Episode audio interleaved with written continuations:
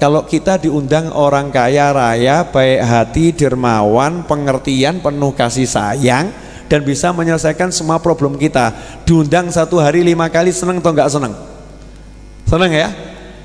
Dijamu terus loh ya, seneng atau enggak seneng? Senang. Lah kira-kira jamnya kita tunggu enggak itu jam undangannya? Oh ini nanti jam berapa? Mau ketemu jam sekian. Ditunggu itu. Nah kita ini sekarang satu hari lima waktu dipanggil Allah Ta'ala itu waktu demi waktu itu kita enteni atau atau kebetulan waktunya datang. Oh maghrib. Kebetulan masuk waktu maghrib. Oh oh sisa kok cepet men ya? Kok cepet banget ya? Atau kita tunggu kok nggak datang datang ya maghribnya ya? Kok nggak isya isya ya? Beda loh ya. Kok nggak subuh subuh ya? Kok nggak zuhur zuhur ya? Kok nggak asar asar ya? Udah kangen nih. Udah kangen. Sama orang loh kok cepet betul ya? Baru zuhur. Sudah asar Jazakallah khair. Jazakallah khair. Udah asar ya. Lu kok cepet betul. Barusan asarnya kau udah mah maghrib. Itu berarti kita belum ngarep-ngarep sholat. Belum merindukan sholat. Nah ini gimana caranya biar hati kita seperti itu? Pertanyaannya gitu toh? Bib kalau teorinya udah paham Bib. Caranya gimana? Caranya. Mau caranya? Hah? Yakin mau? Nah, nanti mau dikasih nggak diamalkan. Nomor satu sadar diri elek. Kita ini orang jelek. Dosanya kebanyakan sampai diundang Allah nggak mudeng-mudeng.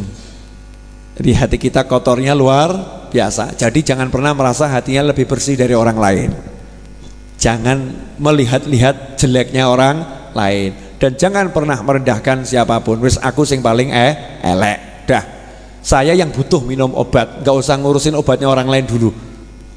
Itu dia tuh seharusnya begini seorang sah kakek ngomong ya awakmu dewi dandanono. Ya kan? Kita perbaiki diri kita sendiri. Kalau kita mau nasihatin orang nasihatin boleh. Tapi nggak usah jelek-jelekin orang atau merendahkan orang atau menghakimi dan menghukumi orang. Nggak usah. Diri kita sen sendiri. Jelek kotor. Lah kalau udah tahu sebabnya kotor ya cari obatnya Obat buat nyikat hati ini apa nih?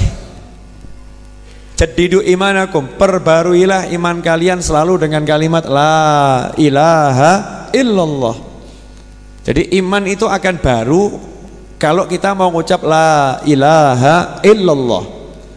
Pertanyaannya, lah kita ngucapnya udah banyak atau belum? Kurang atau tidak? Yakin yakin kita ini masih sedikit ngucapnya. Kurang bah? Kurang banyak. Ya sekarang tiap hari diperbanyak la ilaha illallah, la ilaha illallah, terus diperbanyak. Ya lidah ini diperbanyak ucap la ilaha illallah, la ilaha illallah sebanyak mung, mungkin. Sampai nanti karat-karat di hati itu akan rontok satu per persatu. Ini minum oh, obat. Kemudian yang kedua apa? Kumpul sama orang yang rajin sholat. Kumpul sama orang yang rajin sholat. Jangan kumpul sama yang males. Katut-katut, jangan gaya kita. Saya mau nulari dia. Ketularan. Laisal jarba kurbus salimah walakin as-salimatu tajrabu. Orang sakit gudis panuan tidak akan sembuh dengan kumpul sama orang yang kulitnya sehat. Betul ya? Tapi orang yang kulitnya sehat kumpul sama panuan gudiken dan kadas kurap kira-kira ketularan enggak? Ketularan. Makanya jangan gaya saya mau nulari yang malas-malas biar rajin. Akhirnya kita jadi ikut males. Ikut males. Terus gimana? Ya kita perbaiki diri kita dengan kumpul sama orang-orang yang rajin sholat. Susah cari orang yang rajin sholat gampang. Baca kisah orang-orang yang soleh tentang sholatnya bagaimana. Seperti Sayyidina Ali Zainal Abidin satu hari sholat sunnah seribu rokaat iya itu ya. Satu hari sholat sunnah seribu rokaat Habib Ali bin Muhammad Al-Habsyi sholat sunat sholat uh, tarawih dalam 20 rakaatnya baca 10 10 juz. Tiga hari sekali ha, hatam. Piye itu ya? Kok bisa seperti seperti itu? Sayyidina Uthman bin Affan satu rakaat khatam al Al-Quran. Gimana itu ya? Baca cerita-cerita itu. Nanti kalau udah mulai males baca lagi. Males baca lagi. Makanya kumpulkan tuh kisah orang-orang yang rajin sholat.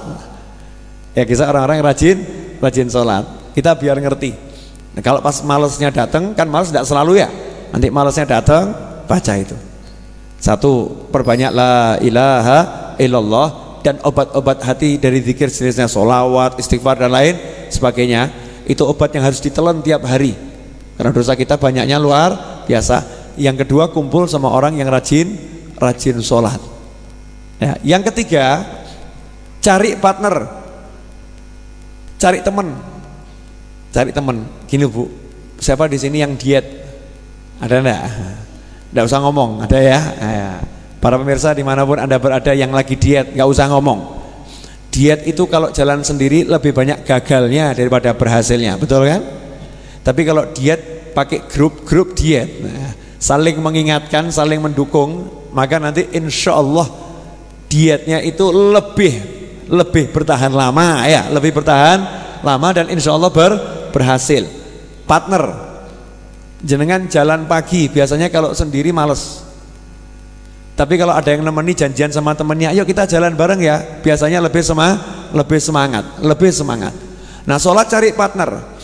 Yuk, kita berdua, bertiga, berempat nih saling mengingatkan urusan sholat ya. Kalau mau sholat aja-aja ya. Ayo sholat yuk, udah sholat belum? Ayo yuk, ayo saya tunggu. Yuk kamu jamaah, ayo ini bareng-bareng gitu. Nanti kalau bareng-bareng seperti itu, maka setan malesnya mudah dikalahkan. Karena setan itu kalau berhadapan dengan sekelompok muslim bersatu, maka setannya kalah, muslimnya yang menang. Yadullah alal jamaah. Pertolongan Allah berada dalam persatuan, perkumpulan dan kebersa kebersamaan. Berarti tinggal sekarang kita cari. Ibu kan punya mantu misalnya, punya anak ya. Punya suami, punya pembantu. Ya tinggal dimanfaatkan. Pokoknya nanti sholat berjamaah. Saya mau sholat di masjid, bu pulang dari masjid jamaah sama saya. Kan sudah sholat, gak jadi masalah. Siapa yang larang? Gak ada yang larang. Bagus itu namanya soda, sodako. Pokoknya jamaah lagi, jamaah lagi, dan jamaah lagi. Ya, jamaah lagi, jamaah lagi, dan jamaah lagi, dan jamaah terus. Sampai nanti kita itu kalau ninggalkan sholat jamaah, gelo. Nah itu udah dapat tuh rasanya itu. Walaupun baru sekedar gelo, waduh kok nggak jamaah ya. Belum sampai rasanya sholat, baru rasa ninggalkan jamaah kok nggak jamaah? Rasanya kotor. Wah sholat saya sendiri sepertinya nggak sholat saya ini. Sholat izin ini kayaknya kok ora ora sholat. Kalau nggak jamaah itu buat saya rasanya belum belum sholat. Kalau udah begitu maka naik ini makom sholat sholat kita